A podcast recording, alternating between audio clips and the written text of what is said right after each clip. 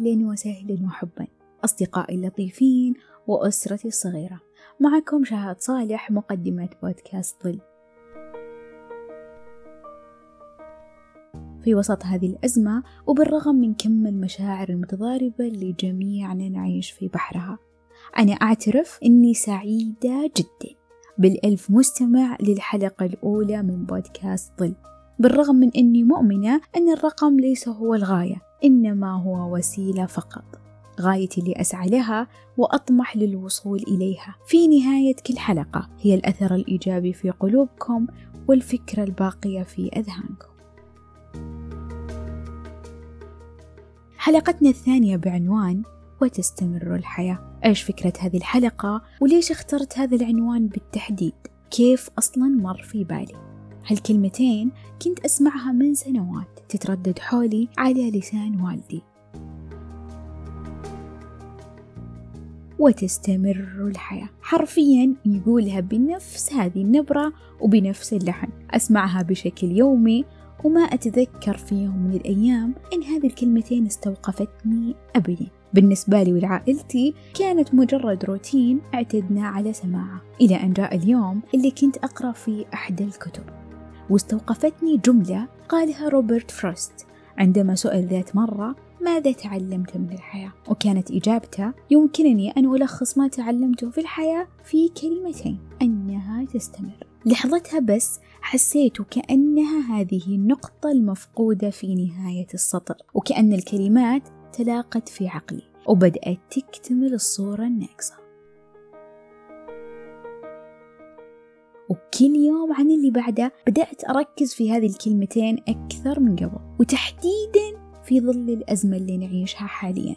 صرت أركز في طريقة كل شخص حولي للتعايش مع هذه الأزمة العالمية ولقيت الأشخاص انقسموا قسمين. أولا الأشخاص اللي استسلموا تماما واكتفوا بالتذمر ونشر المشاعر المحبطة اللي أساسا كلنا مكتفين منها. والقسم الآخر الشخصيات اللي خلقت من اللا شيء شيء وحاولوا يعطون لأيامهم معنى عشان تستمر على الأقل بأقل الخسائر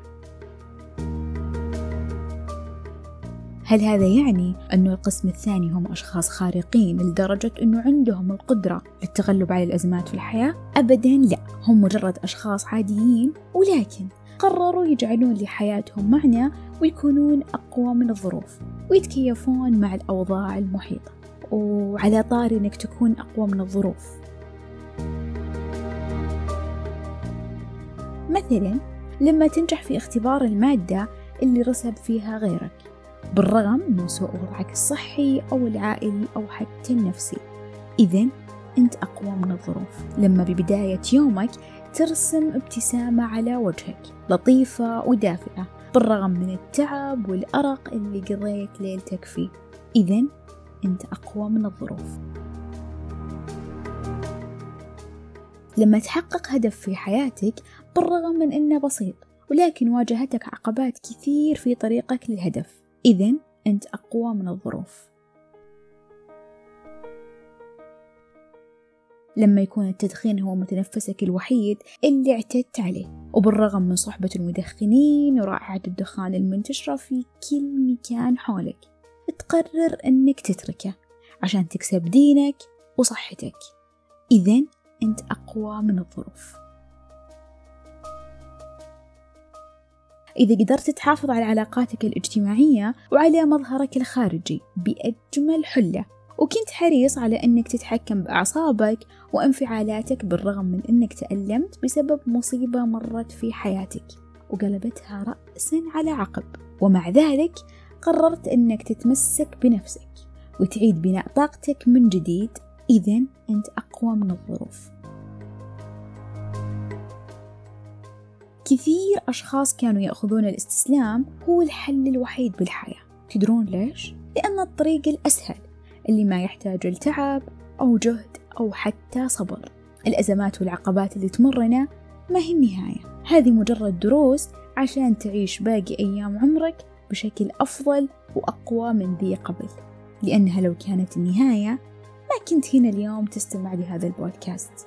لو أنها النهاية كان ما نمت كل ليلة وأنت تنتظر يوم جديد يبتدي من حياتك. هل معقولة تعلن انسحابك من جمال الحياة وسلام الفجر وطمأنينة الليل. بس عشان شخص خذلك أو قرار فشلت باتخاذه أو حالة مادية صعبة أنت تعيشها أو دراسة ما نجحت فيها أو بسبب عائلتك اللي ما قدرت تحتويك بالشكل اللي أنت تحتاجه. أو حتى لو نقول بسبب أزمة عالمية مثل اللي نعيشها حاليا. أنا أعترف أن استمرار الحياة بعد الأزمات مو سهلة أبدا. صعبة وثقيلة ومرهقة على النفس والجسد. لكن أنت تقدر تتخطى. أنت أقوى من هذه الأزمة. أعطي نفسك مجال للاستسلام بعد أيام الصدمة الأولى فقط. ولكن بعد كذا قول خلاص. ابدأ أقنع نفسك أن الحياة مستمرة. ليش أنا ما أكمل استمراري؟ ليش ما ألملم بقايا روحي وأخليها تسندني من جديد؟ وأوقف ولكن أقوى من قبل. ليش نتسرع في وضع النهايات بغير موضعها؟ ليش بعد كل أزمة أو مشكلة نعيشها نعتزل الحياة؟ ونحط النقطة بنهاية السطر وهو لسه. باقي كلمات ما انكتبت وباقي جمل ناقصة. كل ما شعرت بتعب وإحباط وإن مالك مكان بهالعالم وإنك مجرد رقم. اسأل نفسك. ليش ربي يعطيك أيام جديدة تعيشها إذا كان فعلا ما له قيمة بهالدنيا؟ بس قبل تجاوب على السؤال ركز ووسع نظرتك شوي. بمعنى أكيد أن هذه الأزمة في جانب واحد من حياتك. إما أنها أزمة صحية أو اجتماعية أو مادية أو أيا كانت. لكن أنت عندك جوانب أخرى. ابدأ عزز فيها القوة أخلق فيها الأمل لحب الحياة.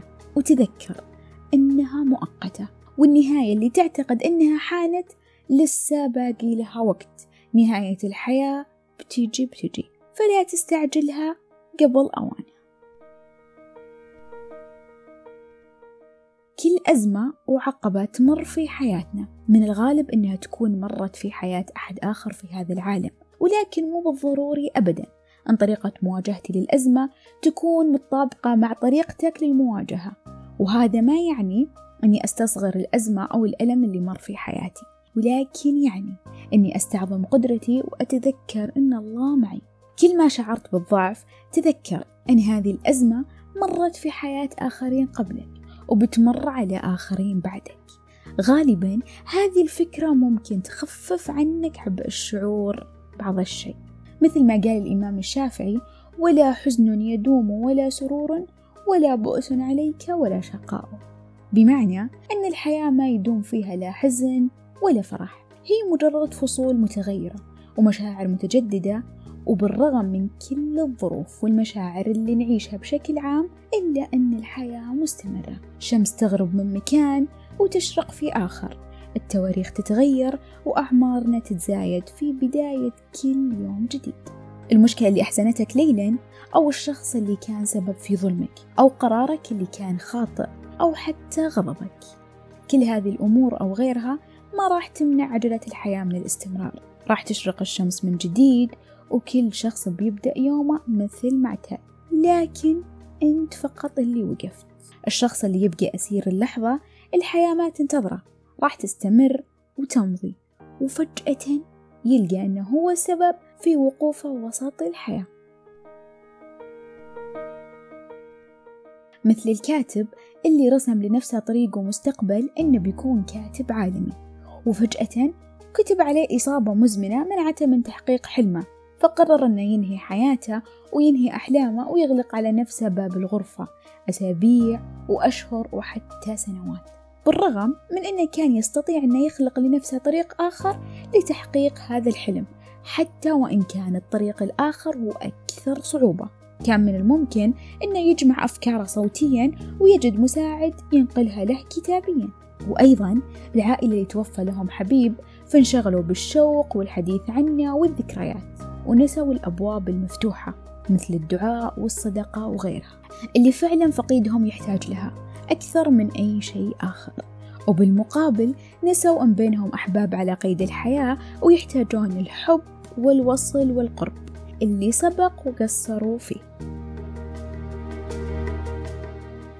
الإنسان يمر في حياته بمشاعر مختلفة ما بين النجاح والفشل الفرح والحزن الخوف والأمان وحتى الحب والكره. وبالرغم من كل المشاعر لابد في كل مرة وبعد كل شعور ومرحلة تكون خطوتنا قدام. ممكن تكون بعد تعب وتصير خطوة ثقيلة وصعبة. وممكن تكون بعد مشاعر فرح ونشعر كأننا نحلق بعيد جدا عن هذه الأرض. أحيانا تكون سبب مأساتنا الوحيدة هي أننا نبحث عن حياة خالية من الأزمات والتعب والفشل. فلازم نستوعب أن الأزمات صديقة لنا لا عدوة تصقل شخصياتنا وتزيدنا وعي. أخيرا كل الأزمات مثل ما لها بداية لها نهاية. فأحرصوا على أنكم تعيشون في ظل الأزمة بأقل الخسائر الممكنة. اصنعوا لأيامكم معنا جددوا مشاعركم بأبسط الأشياء الموجودة حولكم. شكرا لكم. كانت معكم شهد صالح في بودكاست ظل. وسأكون ظلا لكم بإذن المولى في حلقات قادمة. أستودعكم الله.